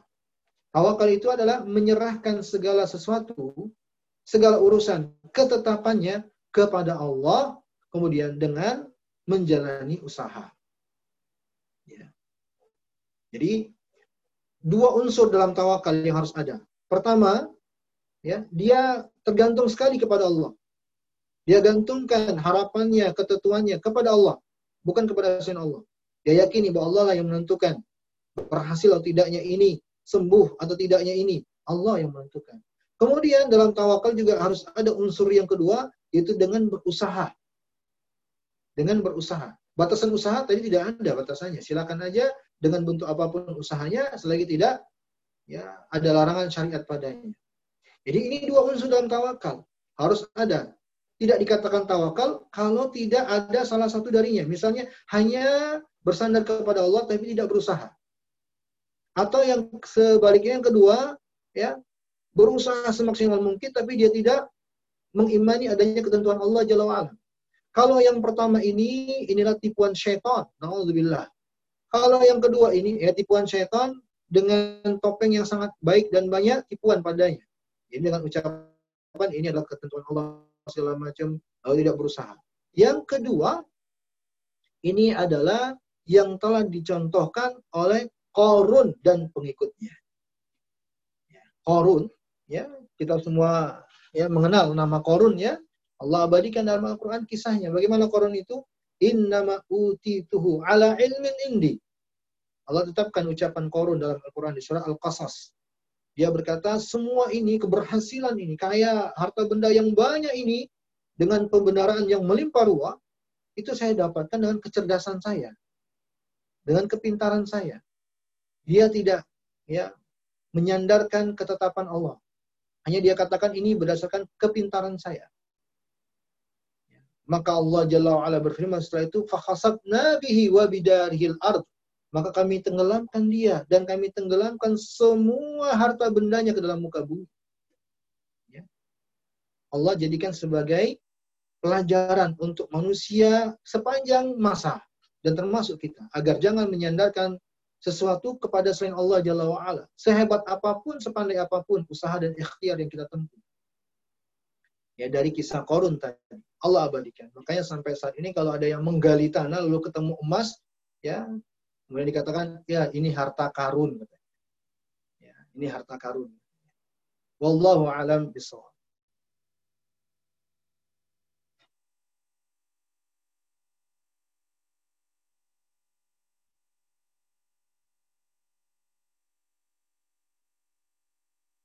Pak Dr. Ahmad, mic-nya silakan. Bismillahirrahmanirrahim Ustaz, Ustaz. Eh, jawabannya. Pertanyaan berikut dari Ukti Tisna Sari Hafsah di Bandung. Assalamualaikum Pak Ustadz, izin bertanya. Dikatakan bahwa yang meninggal karena terkena COVID itu mati syahid. Ini muslim tentunya maksudnya ya. Kalau kafir nggak masuk mati syahid. Bagaimana tentang hal ini dan terkaitannya dengan ikhtiar? Mohon maaf bila formulasi pertanyaan saya kurang jelas. Hatur nuhun. Barakallahu fiikum. Waalaikum barakallah. Waalaikumsalam warahmatullah. Pertanyaannya alhamdulillah jelas. Ya, pertanyaannya alhamdulillah jelas kepada ibu yang bertanya. Alhamdulillah kita bisa memahami dengan baik pertanyaannya. Ya, memang benar. Termasuk salah satu yang dijanjikan oleh Rasulullah SAW ya, bagi mereka yang wafat dan mendapatkan keutamaan ya gugur sebagai syuhada adalah mereka yang wafat karena wabah. Ya. Kalau dulu taun ya dan semisalnya yang jelas ya dengan sebab sebuah penyakit yang telah mewabah pandemi ya Baik, hadirin yang saya muliakan, hadisnya sahih dan hal tersebut disepakati oleh para ulama akan kebenarannya. Ya. Kemudian apa yang diinginkan atau bagaimana atau apa kolerasinya dengan ikhtiar. Maka jawabannya adalah yang mendapatkan keutamaan tersebut adalah mereka-mereka yang wafat tentunya setelah berusaha untuk meraih kesembuhan. Ya, makanya dikatakan sebagai mati syahid. Bukankah seseorang itu dikatakan syahid dari melewati sebuah perjuangan? Ya, sebuah sebab eh, istilah syahid itu kan pertama kali melekat pada orang-orang yang berjuang berperang membela agama. Gugur, syahid.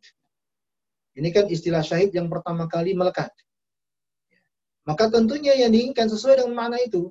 Syahid itu adalah orang-orang yang mendapatkan keutamaan dari Allah Subhanahu wa taala semata setelah menempuh perjuangan, pengorbanan. Mungkin ada yang terkena uh, virus, wabah. Ya. Kemudian dia berusaha menjalani usaha. Ya, terus mungkin kalau kita sesuaikan dengan protokol kesehatan khusus terkait dengan pasien COVID, dia ikuti semua itu. Qaddarallahu wa ma fa'al. Allah takdirkan dia wafat. Mudah-mudahan dia mendapatkan keutamaan syahid. Artinya jangan ya mentang-mentang tahu ada keutamaan mati syahid ketika kena COVID, udah ngapain mau apa namanya mengikuti protokol kesehatan, tidak lagi menjalani usaha-usaha uh, untuk kesembuhan atau justru sengaja nggak mau menempuh kesehatan karena ingin mengejar syahid katanya. Nah, ini tidak benar. Itu namanya mati konyol. Kita khawatirkan tidak mendapatkan keutamaan syahid tersebut. Kenapa? Karena Allah perintahkan untuk berusaha terlebih dahulu. Makanya ya Umar bin Khattab radhiyallahu taala anhu ya ketika bersama para sahabat yang lain hendak memasuki sebuah daerah yang di dalamnya ada wabah, ya kata para sahabat, kita masuk saja, jangan takut. Takdir Allah kalau kita kena, kena. Kalau takdir Allah tidak mau, kita nggak kena. Umar melarang, kau saya jangan masuk. Ya, Umar melarang.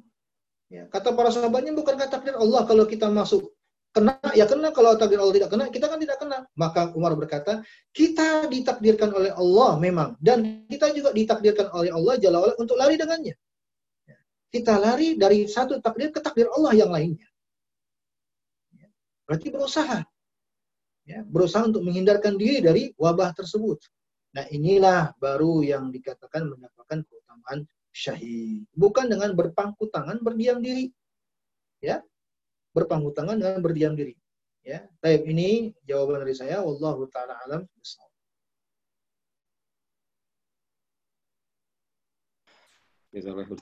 terima kasih. Kemudian dari Bandung lagi nih, dari Ukti Nina Surtiret nih Ustaz. Assalamualaikum Pak Ustadz, hidup dunia bagi orang beriman itu adalah ujian. Bagaimana kita bisa selamat dalam menghadapi ujian hidup itu? Bagaimana kita bersabar dengan ujian hidup tersebut? Jazakallah khair. Waalaikumsalam warahmatullahi wabarakatuh. Pertanyaan ini adalah pertanyaan kita semua. Kepada Ibu yang mewakili kita semua, ya kita ucapkan terima kasih yang sebesar-besarnya. Karena sungguhnya pertanyaan inilah pertanyaan kita semuanya. Ya, yang selalu harusnya jadi pertanyaan untuk kita sepanjang masa, setiap detik. bagaimana agar kita selamat dalam menghadapi ujian hidup ini. Sebab tidak ada seorang pun di antara kita yang menjamin dirinya selamat. Tidak ada. Sehebat apa pun, sealim apa pun, sesoleh apa pun, tidak ada yang menjamin dirinya selamat dari ujian. Maka inilah pertanyaan untuk kita semua. Kiranya bagaimanakah saya selamat menghadapi ujian dalam hidup ini? Ya. Dan apa yang kita pelajari, salah satunya tujuan yang kita inginkan dari kajian seperti ini, ya, dan kita ucapkan terima kasih yang sebesar-besarnya kepada penyelenggara, ya, kajian keluarga bahagia di pagi hari setiap ahad ini juga dalam rangka untuk berupaya meraih keselamatan tersebut. Ya, dengan mengambil pelajaran-pelajaran dari hadis-hadis yang disampaikan Nabi SAW untuk kita jadikan sebagai pedoman untuk menghadapi ujian dan cobaan. Dengan kata lain, di antara caranya adalah dengan senantiasa ya belajar, mengetahui ilmunya yang bersumber dari Al-Quran dan hadis Nabi SAW, melihat penjelasan-penjelasan para ulama, apa dan bagaimana jalan yang selamat itu. Kemudian ya kita terapkan dalam kehidupan. Sehingga jangan malas untuk belajar, jangan malas untuk membaca, Jangan malas untuk bertanya. Ya, tetapkan diri senantiasa dalam ibadah, amal soleh, dan lingkungan yang baik. Ya, kalau ingin bersabar, dekatlah dengan orang-orang yang bersabar. Kalau ingin baik, dekatlah dengan orang-orang baik. Dan seterusnya itu di antara cara-cara yang secara zahir dengan izin Allah Jalla wa'ala bisa membuat kita selamat. Kata para ulama salaf ya, janganlah kagum dan terherankan dengan orang-orang yang telah selamat. Tapi ya, lihatlah bagaimana cara mereka selamat. Wallahu taala alam bisawab. Baik Ustaz. Ya, waktunya uh, habis Pak Dokter. Sudah habis. Iya, jazakallah khair. uh, terima kasih atas nasihatnya uh, selama kajian ini. Karena waktunya habis, uh, kita sudahi uh, kajian pada pagi hari ini. Dan mungkin mohon maaf sebagai host jika ada kekurang tepatan atau kesalahan saya, kehilapan saya, terutama untuk Pak Ustadz Saifah. Eh, mohon maaf jika ada kurang nyamanan atau tidak petan saya dalam eh, membawa acara ini. Juga untuk teman-teman yang lain, mudah-mudahan apa yang disampaikan oleh beliau membawa manfaat dan hmm. Memotivasi kita untuk selalu meningkatkan keimanan, kesabaran, dan tetap berserah diri.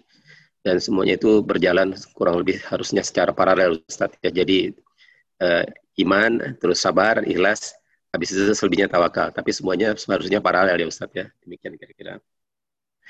Uh, kita akhiri dengan membaca doa kafaratul majlis. Allahumma wa bihamdika asyhadu an la ilaha illa anta astaghfiruka wa atubu ilaik. Wassalamualaikum warahmatullahi wabarakatuh. Waalaikumsalam.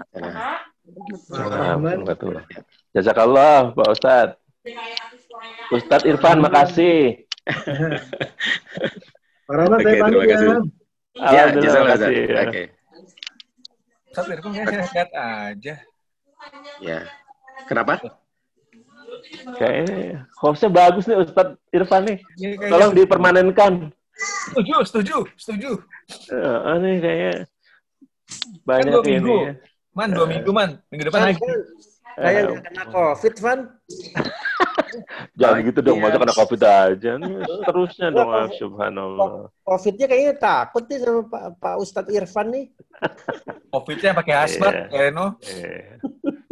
Iya, yeah, Kenapa? Tapi jangan jangan mengejar ini apa apa tadi syahid ya, jangan ya. oh jangan dong. Jangan, anak masih baru belum selesai semua nih. iya, coba dulu ya Allah ya Rabbi. Oh, gimana gimana? Oh ya, uh, minta doa juga teman-teman ada pasien kita di Wisma Atlet ya saya belum bisa belum sempat kunjungi ya namanya Kolonel Sus Jaitul Muhlis Master Agama beliau kalau nanti teman lihat di eh, website itu beliau salah satu uh, kepala satgas operasi di uh, Mina, kemudian Musdalifah dan Arafah. Itu beliau sedang juga menderita uh, COVID dan Allah, Allah, kondisinya makin serius ya. Uh, kita akan pindahkan beliau ke rumah sakit persahabatan. Beliau ini uh, kalau uh, uh, bagi yang sering ikut haji ya itu termasuk salah satu orang-orang yang salah satu orang yang banyak membantu jemaah jadi melindungi jemaah jadi ada yang hilang kemudian pada peristiwa di mana waktu itu uh, apa namanya tower konstruksi di Mekah oh, juga ya. keren runtuh itu ya. juga beliau ya kemudian waktu peristiwa terowongan Mindia juga beliau salah satu yang banyak berkontribusi oh, ya. Demikian juga pada saat kemarin banjir di Mina ya uh, itu beliau banyak berkontribusi dan bahkan ada waktu itu ya sempat ada seperti anekdot gitu. Pak Jaitul ini ditunggu oleh para syuhada Mina di anak itu surga. Tapi mudah-mudahan nggak kejadian ya ini. Ya, Karena kondisinya menurun, Pak Zaitun Muflis ya. ya Allah. Ya. Angkat penyakitnya ya Allah. Mohon doa agar dari teman-teman soleh dan soleh di sini agar beliau ya, cepat diangkat penyakitnya. Amin, amin. Saya juga titipkan sih ke apa uh, Nevi ya di persahabatan. Saya kira itu aja ya, nggak ada ya. ada yang mau tanya atau apa. Irfan, nah. jaga kesehatan Irfan ya. ya. Mudah-mudahan oh, siap. tambah sehat. Ya. Amin. Ya. Semua ya. kita semua Jadi uh, gini ya, semua. ya, cuman paling hikmahnya gini. Hikmahnya bahwa kitanya aman, tapi kalau ada orang tidak berpikir aman, kita kena. Itu aja nih Oman. Jadi di RSCM iya, juga begitu. Iya. Jadi mungkin kita sudah berusaha baik-baiknya, tapi seperti saya ini kejadiannya ada orang lain yang melanggar aturan sehingga tanpa kita sadari kita masuk ke dalam jebakan yang terjadi dan kejadian kalau saya gini Van ya ya sering kan gitu kan namanya kebidanan kan kadang-kadang emergency walaupun kita minta mensyaratkan harus minimal rapid atau swab tapi tiba-tiba ada rujukan segala macam. Kayak kemarin kita dijaga di RCM PK2 kita nggak tahu kita tolong di segala macam ternyata rapidnya positif kemudian di swab hasilnya positif. Dan semua kita di swab semua yang jaga hati ya itu. Iya. Iya. Ya begitu Tapi kalau ya. ini uh, kalau yang gitu biasa sih Allah lindungin ya, misal RCPR atau apa gitu. Yang repot ini pada saat ya kalau saya nih kenanya ini, jadi saya doning uh, urut-urutannya kan uh, masuk ruang isolasi, ICU isolasi itu ke ruang nurse station, kemudian ruang monitor, ada ruang konsultasi, kemudian tempat doning pakai hazmat, visit, Kemudian ada ruang doving, baru masuk kamar mandi. Kamar mandi itu persis di pinggir dari uh, tangga rem. Jadi dan itu hanya bisa harusnya diakses dari dalam keluar. Begitupun kalau yeah, yeah. proses pembersihan atau general cleaning itu harusnya dari dalam keluar. Nah ini rupanya ada beberapa orang yang masuk dari luar ke dalam untuk numpang mandi. Beberapa itu gimana bisa bisa masuknya ya? Ya, diganjel. dia punya akses untuk enggak, ya karena dia punya akses untuk itu dan pintu itu dibiarkan terbuka. Jadi uh, ya kejadian lah karena pasar kita doving itu kondisi yang paling lemah kan maksudnya kita yeah. paling terbuka sama sekali. Nah itu kelalaiannya uh, membawa akibat timbul klaster di situ di ICU itu. Tapi untungnya uh, nggak nggak banyak yang kena ya ada pada dua tiga orang.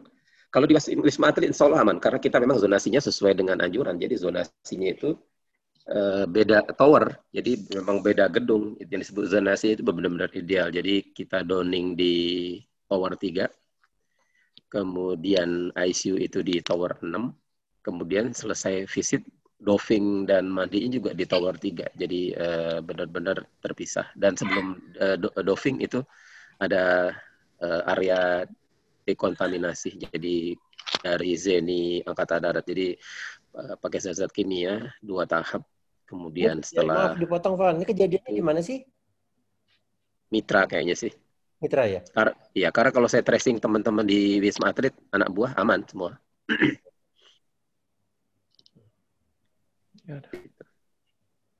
Nggak ada. Gejala sama sekali. aja sih. Uh, justru karena waktu pulang Rabu itu kok ada batuk kering dan badan kok agak pegal ya udah udah langsung sama Rike udah deh geser deh ini kayaknya udah nggak nyaman nih nggak enak nih gitulah terus Kamis pagi langsung ya Kamis paginya swab langsung. Tapi udah langsung isolasi Rabu malam udah langsung pindah kamar. Udah ya, hampir yakin kalau ada gejalanya sih tapi sekarang sih hmm. gejalanya bisa dibilang udah hampir nggak ada sama sekali ya Cuman kan kalau mau mulai olahraga katanya nggak boleh ternyata ya, nggak boleh langsung olahraga seperti biasa. Jadi eh, dikhawatirkan ada fase miokarditis nih. Saya minta pendapat Ika juga nih, jadi atau teman-teman yang lain tahu persis. Eh, jadi tidak dianjurkan untuk melakukan olahraga rutin seperti biasa yang high impact atau yang eh, durasi atau eh, membutuhkan apa namanya eh, tenaga yang lebih gitu kira-kira. Itu jadi tidak dianjurkan rupanya. Jadi saya kemarin dikasih tahu oleh ada sejawat dok jangan olahraga dulu. Jadi sementara waktu saya off dulu. Benar nggak tuh Yalah. Ika? Saya nggak tahu persis tuh.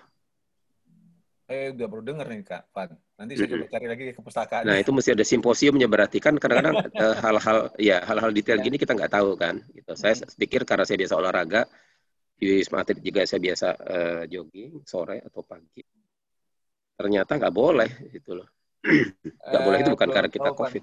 Hmm? Belum, belum tahu, Pak. Iya. Belum tahu. Karena ya. eh, beberapa orang yang sakit COVID di dahulu yang dahulu pun eh, kita anjurkan untuk latihan karena untuk memperbaiki fibrosis parunya. Oh iya, untuk kalau untuk latihan dadanya ya, tapi ini maksudnya ya. harusnya seperti uh, cardio workout atau dia. Ya kan bertahap dulu, nunggu nunggu ya. sampai perbaikan dulu. Tapi kalau miokarditis sih nggak akan muncul berlama-lama. Uh, viral miokarditis kan cepat perbaikannya kalau yang udah hilang uh, virus itu. Tapi nggak tahu lah kalau yang sekarang. Belum dikenal sih penyakit ini masalahnya. Oke. Ya deh. Semangat saya ke keliling kompleks itu pulang saturasi turun. Memang nggak boleh langsung ya. Oh ya, gitu ya? Mungkin yang, yang terutama yang gangguan parunya kali, Ut. Itu karena parunya Ut sering kena X-ray kali itu. iya. Harus, kalau ini yang bicara nih anggota Ilufit semua ini. yang psikiatri belum masuk masalahnya. Oh iya, nah satu lagi ya, itu tuh saya benar jadi ingat psikiatri jadi uh, bahwa ternyata kita perlu juga tuh ada suportif tuh terapi suportif mental, spiritual ya. Jadi Betul. Di RSM kan besar. Di RSM ada ya, di RSM ya ada. Di RSM ada tiap hari, Pak.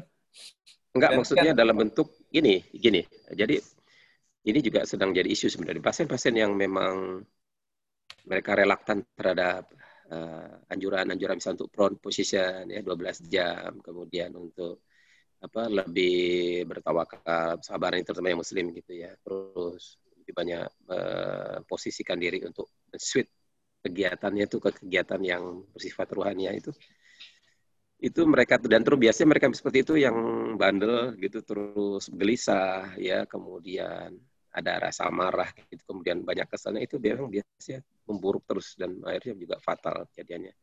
Selalu seperti itu. Apalagi kalau di wisma atlet itu pasiennya titipannya bukan pasiennya bukan titipannya. Kadang pasiennya bintang dua bintang satu. Atau titipan kasat misalnya kisah lima. Itu karena pasiennya memang model-modelnya yang ah ngapain saya? Biasa broda Singapura apa segala macam gitu. Tolong teleponin dokternya apa. Gitu-gitu biasanya berakhirnya buruk tuh Pan, Pan, harusnya tanya sama Pak Ustadz tadi, Pan. udah, udah saya tanya. Jadi maksudnya uh, saya pengen tahu, apakah di RSM itu ada hipnoterapi nggak untuk itu?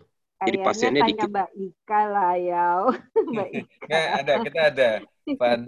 Jadi ada ya? Ada. Jadi mereka dua seminggu dua kali dokter Oman ya, apa seminggu tiga kali datang visit ke, ya, ke ruangan Kiara untuk mengajak. Jadi untuk pasien yang baru juga ada kak. Nah, mereka mempunyai apa namanya kayak ada ada screening gitu loh. Ya betul, ada tim-timnya dan termasuk keluarga juga di, di disamperin uh, Van untuk diajak hmm. untuk berkomunikasi untuk menambah uh, masukan terapi buat si pasien. Jadi mereka biar tahu kebiasaan sehari di rumah bagaimana gitu.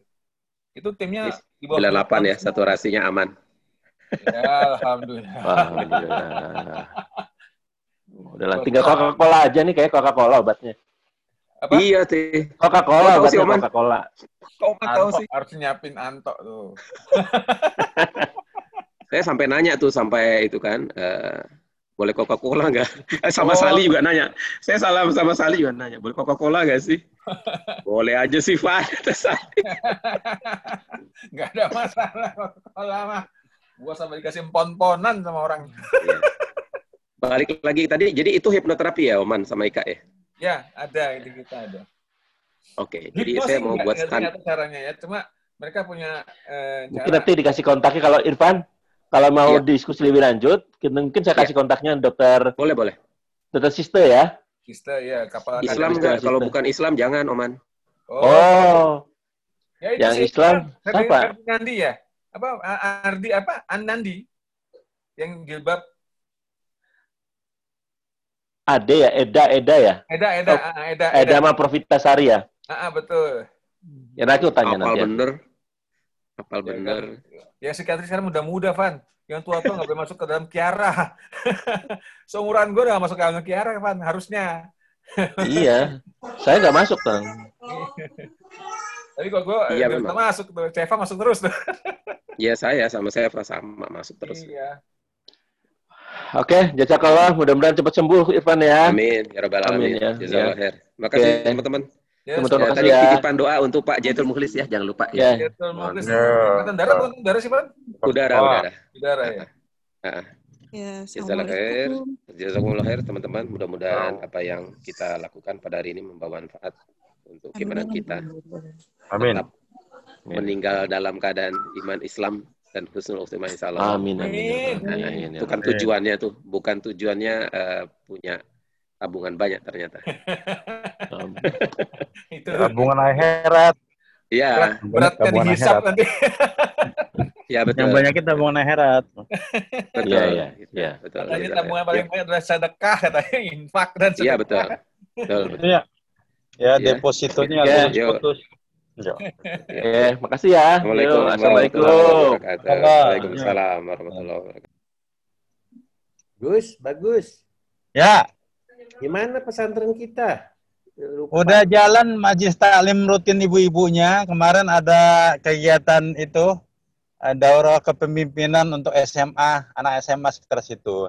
Hanya masjidnya ini agak terkendala. Ternyata ada orang dalamnya sendiri dari donatur itu ratuah yang apa namanya nggak amanah. Yang nggak amanah